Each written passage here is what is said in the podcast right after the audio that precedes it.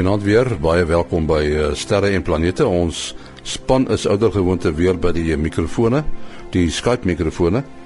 Ons gaan onder andere gesels oor agtergrond mikrogolfstraling. Bietjie meer oor die uh, planetoïd, die dwergplaneet Pluto en dan die supermaan wat so 'n week of wat gelede sy uh, opwagting gemaak het, eintlik oor almal geskyn het en waaroor almal baie opgewonde was. Maar eers ruimtenis geskryf deur Herman Turin. 'n Bemande Chinese ruimtetuig wat 15 dae in die ruimte was, het veilig geland. Dit was die Chinese se vyfde bemande ruimtevlug, maar dit was die langste rit wat die land se ruimtevaders, twee mans en 'n vrou, nog in die ruimte deurgebring het. Hulle het ook moderne tegnologie ingespan om regstreeks uit die ruimte klas in wetenskaplike vakke aan skoolleerders te gee. Hulle het verskeie koppelbewegings met die Chinese ruimtestasie Tiangong-1 uitgevoer. China wil teen 2020 'n volwaardige voltooide ruimtestasie in bedryf hê. Die Koros satelliet wat baanbrekers werk met die luister na die musiek van die sterre gedoen het en ook die eerste aardtipe planeet ontdek het, het aan die einde van sy lewensyd gekom en sal toegelaat word om in die atmosfeer uit te brand. Die Franse Corot is in Desember 2006 gelanseer en het meer as 2 keer sy verwagte lewensduur gefunksioneer. Sy instrumente het egter van November verlede jaar af ophou funksioneer en die Franse ruimteagentskap was nie in staat om weer kommunikasie daarmee te bewerkstellig nie. Corot is met 'n 30 cm teleskoop toegerus en het reeds in sy eerste jaar in die ruimte drie aardtipe eksoplanete ontdek. Uiteindelik is 32 bevestigde ontdekkings gedoen terwyl nog 100 op bevestiging wag. NASA en die Russiese Ruimteagentskap het die name bekend gemaak van twee veteran ruimtevaarders wat van 2015 af vir 'n jaar in die internasionale ruimtestasie sal deurbring. Hulle is Scott Kelly van NASA en Mikhail Komienko van die Roskosmos. Dit sal die langste verblyf tot nog toe in die internasionale ruimtestasie wees en ook die langste wees wat 'n Amerikaner nog in die ruimte was. Verskeie Russe het egter in die destydse muur langer as 'n jaar vertoef.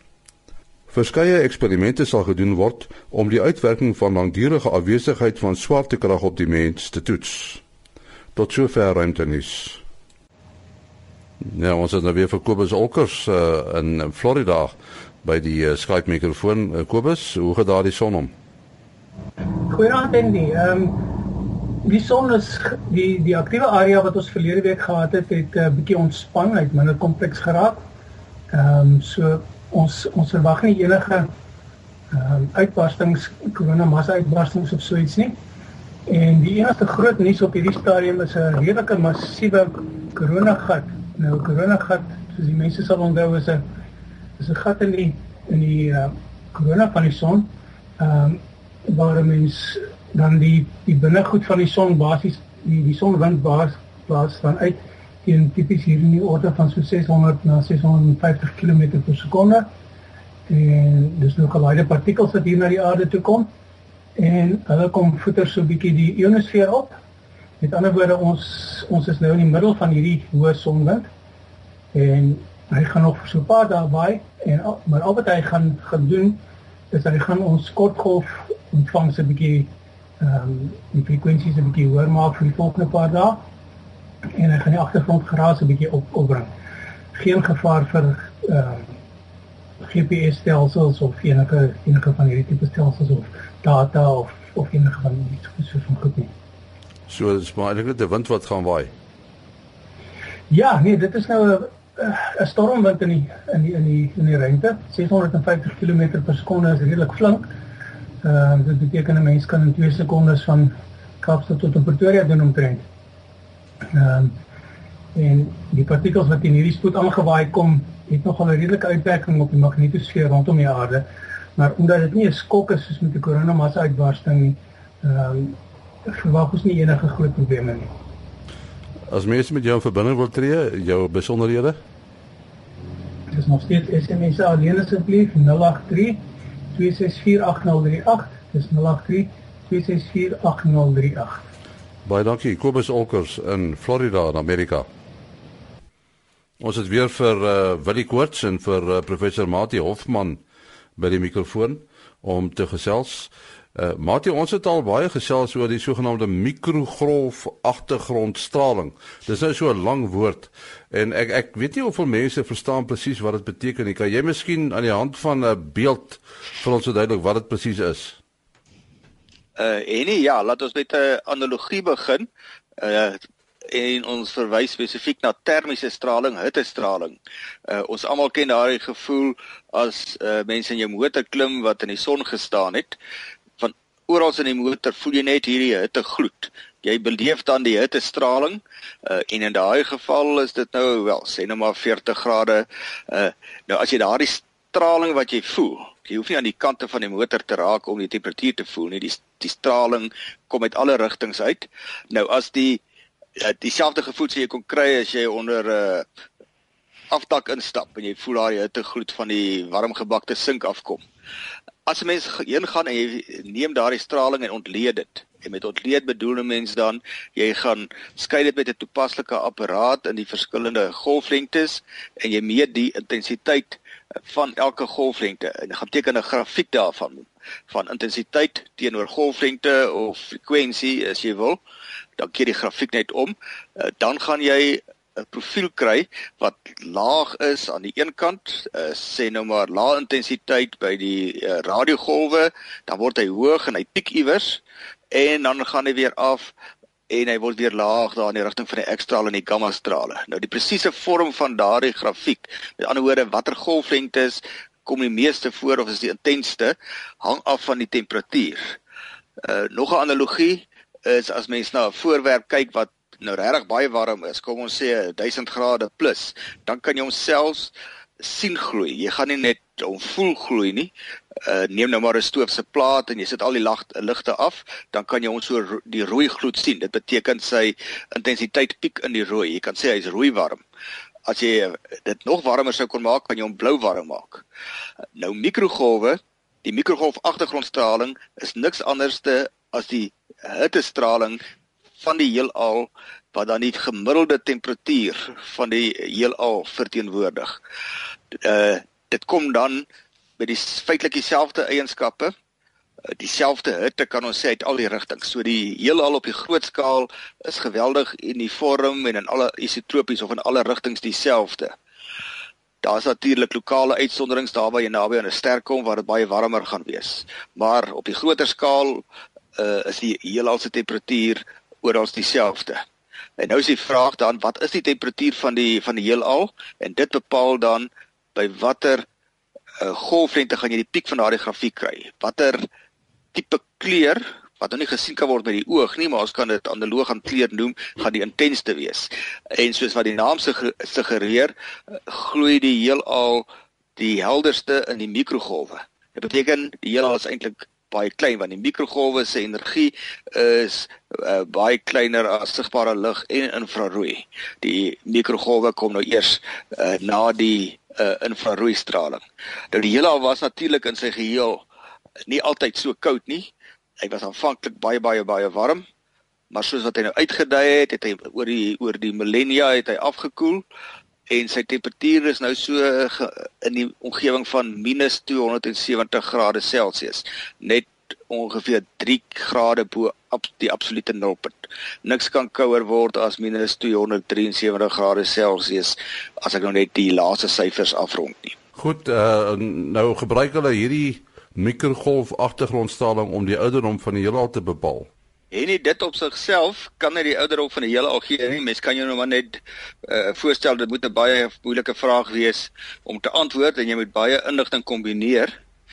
Uh die belangrikste gegevens wat hulle gebruik is om te gaan kyk na die die grootte en die uitdaging van die waarneembare heelal.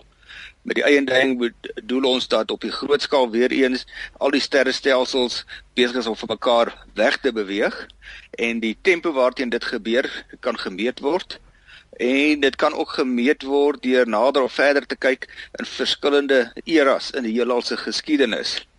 Nou as mens dan nou uh die aanname maak dat jy wat jy nou sien kan terug ekstrapoleer in tyd uh dan kan hulle uitwerk deur gebruik te maak van die wette van die fisika wat die eienskappe van die heelal lank terug sou wees in terme van grootte. Uh en dan kan hulle ook gaan kyk in terme van temperatuur.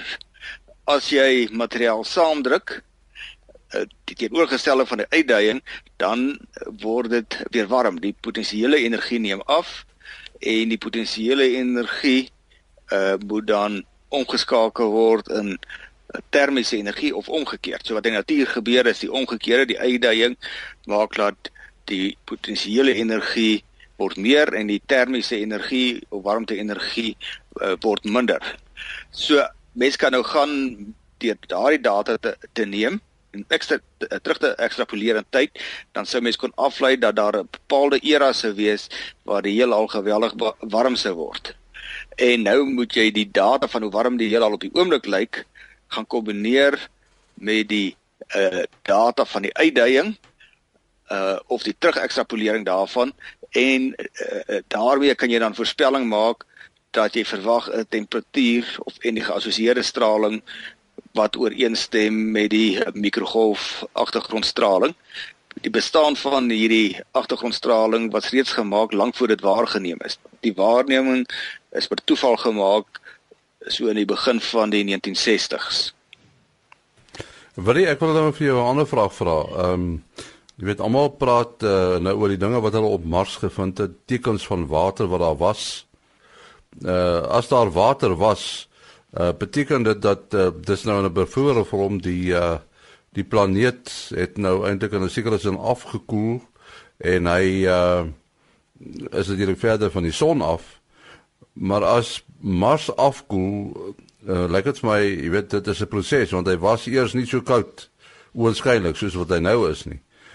Sê dit vir ons dat die son besig is om minder warm te word? Uh ja, ja, ek is nou nie so 100% op hoogte van die van die met maar die evolusie van Mars nie. Ehm um, as ek reg onthou is die is die groot die groot verskil was natuurlik dat die atmosfeer van Mars uh was voorheen anderster en en het 'n en het 'n bietjie meer die hitte vasgevang. Uh maar jy nou nog genoem van die uh van die kweekhuiseffek uh, uh, of of die temperatuur as jy nou in 'n in 'n motor inklim.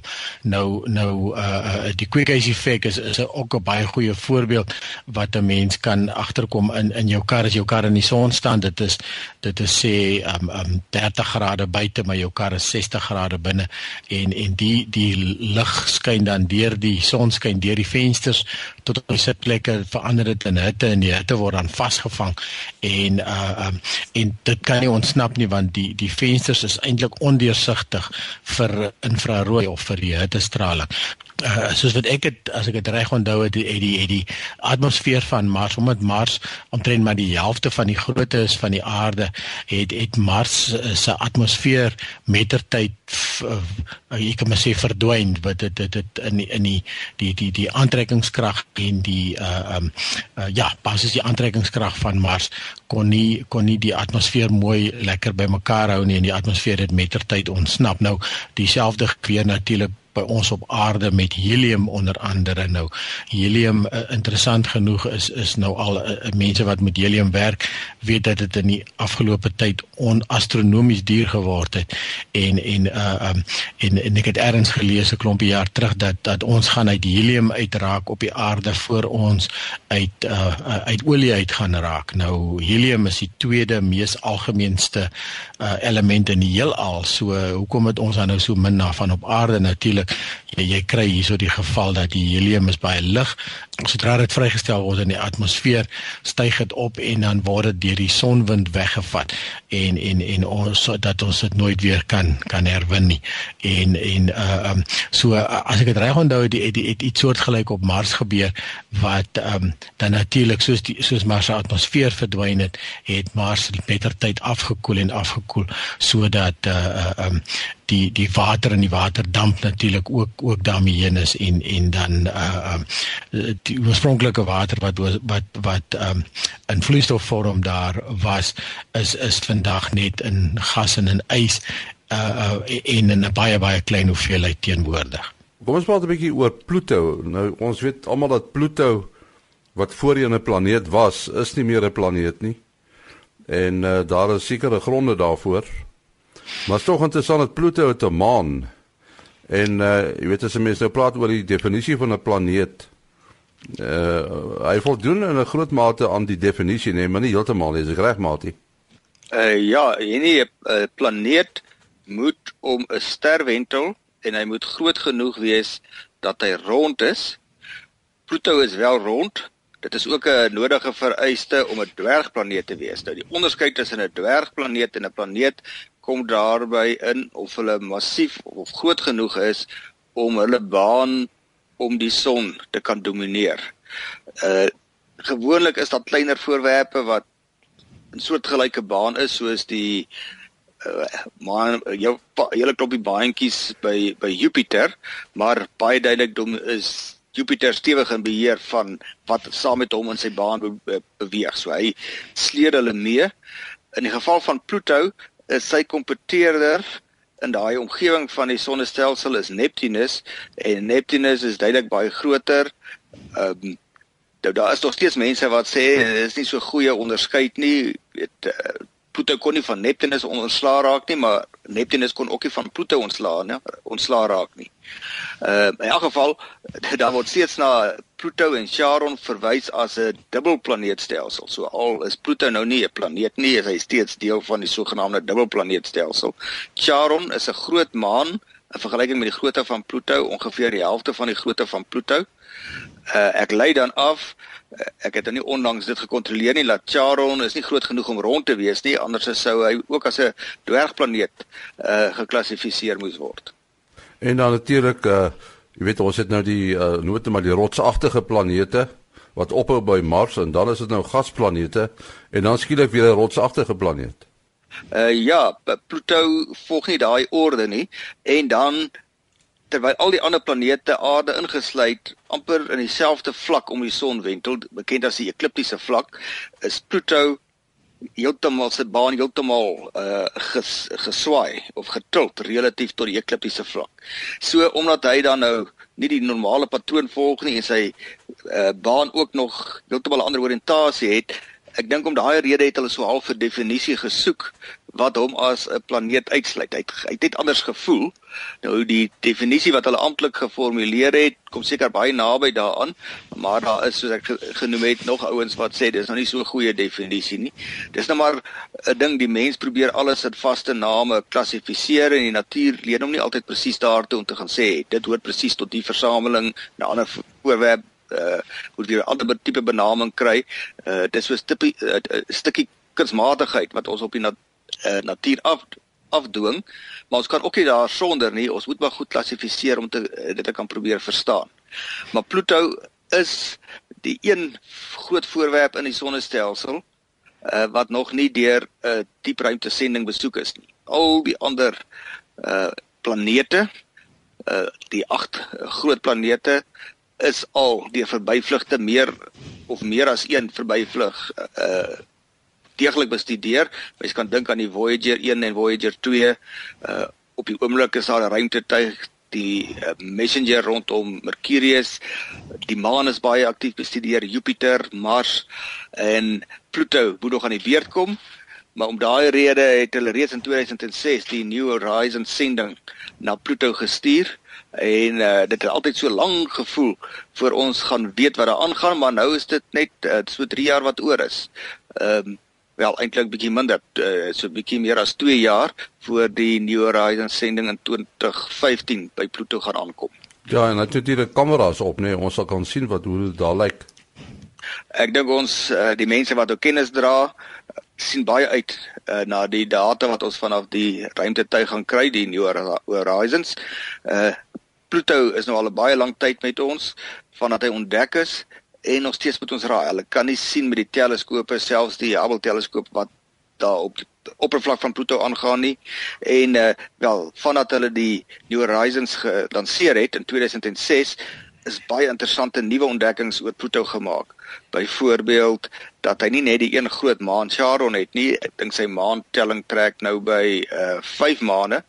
Hulle het selfs bekommerd geraak by soveel maande daar gaan daar nie baie ruimte afval, ruimte stof in die omgewing rondom Pluto wees wat die New Horizons sou kon uh, bedreig nie, maar die nuutste berekeninge dui daarop dat dit darm 'n baie klein kans is, maar daar is 'n 1% kans dat hierdie sending wat so uh, oor 'n lang tyd beplan en uitgevoer word dat dit in gevaar uh, gestel gaan word die gevaar wat wat wat Mati na verwys is die feit dat uh die uh, New Horizons gaan nie in 'n wentelbaan om Pluto beweeg en dan rustig fotos neem soos wat met uh, uh Jupiter en Saturnus en die ander planete gebeur het nie. So dit gaan dit gaan 'n baie baie vinnige verbyvlug wees. Die New Horizons is is een van die vinnigste ruimtetuie wat nog ooit ooit daar ge, ge, ge, gewees het. Uh ek ek dink dit het onder 10 ure by die maan verbygevlieg.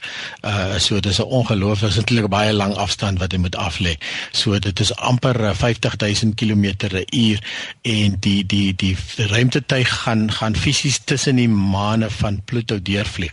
So dit is uh, uh, uh, ongelooflik hoe naby dit eintlik aan die pl planete gaan uh, of aan die maane gaan wees. Dit dit gaan uh, nie binne die maan van uh, baan van Charon nie, maar uh, dit gaan um, dit gaan definitief tussen hierdie ander 5 maandjies kan jy maar sê deur vlieg. So daarom is daar nou intensiewe uh, studies die laaste 18 maande of meer om om presies te probeer vasstel wat is daar, wat se stof, wat se gevare is daar sodat ehm um, sodat die sending nou nie nou nie uh, tot sy einde kom nog voor dit eintlik begin het nie. Mati, uh, net so ietsie oor Venus. Venus roteer mos nou anders om as die ander planete om sy eie as dit reg. Uh ja, en nie as ons nou vir ons kon voorstel, ons kan onsself in die ruimte plaas en ons kyk na die aarde af, so min of meer uit die rigting in die rigting van die noordpool, dan kan jy jou voorstel jy sien die aarde in 'n sekere rigting om die sonwentel uh antikloksgewys en dan so dit is die baanbeweging en dan sy draaibeweging om sy eie as is dan ook in dieselfde antikloksgewyse uh rigting. Nou, by wyse van 'n vergelyking daarmee, as 'n mens dieselfde met Venus sou doen, dan wend hulle in dieselfde rigting om die son as die aarde, maar hy wentel stadig om sy eie as in 'n teenoorgestelde rigting. Nou hoekom dit so is, uh, daaroor word nog gespekuleer, maar hy hy wentel stadig. Uh, sy dag is uh, is hier oor ongeveer 240 dae, vergelykbaar met die lengte van sy eie jaar. Ehm um, So so Venus is nogal 'n baie vreemde uh, voorwerp en sy atmosfeer maak hom totaal anders as die aarde. Baie baie digte atmosfeer dink omtrent die die die, die druk op uh, grondvlak by Venus is omtrent iets soos 90 atmosfere, geweldig warm, gevaarlike swaalsuurwolke, so glad nie 'n vriendelike omgewing nie maar ek merk nou dit het my nogal verras. Ek het nie voorheen geweet nie dat as jy so op 'n hoogte van ongeveer 50 km bo Venus is daai laag van die atmosfeer is die mees aardagtige plek in die in die sonnestelsel. Uh en dan verwys ons na die temperatuur en daar selfs uh die tipe van gasse wat jy in die aarde se atmosfeer kry kan jy op daai hoogte meer gekonsentreerd kry. As jy nou uh, dieper in die atmosfeer ingaan, dan is dit oorweldigend koolstofdioksied uh, wat ons nie sou kon kon asemhaal nie. So die die die ouens wat in die toekoms leef, uh, het al voorgestel dat dit nogal 'n omgewing is wat ons moet gaan uh, een of ander tyd besoek. Daar sal 'n beginsel mense op daai hoogte kan oorleef. Ja, maar dit is baie warm, want ek dink as jy nou na die syfers kyk, dan is uh, Venus se oppervlakte warmer as die van Mercurius vanweë juist die wolke nê. Uh dis reg ja, maar dan verander daai temperatuur vinnig met hoogte. So uh, dan sit ongeveer uh, kamertemperatuur tot 0 grade op daai hoogte van 50 km. So sy atmosfeer is nie op al die hoogtes dieselfde nie, dit varieer nogal uh, baie.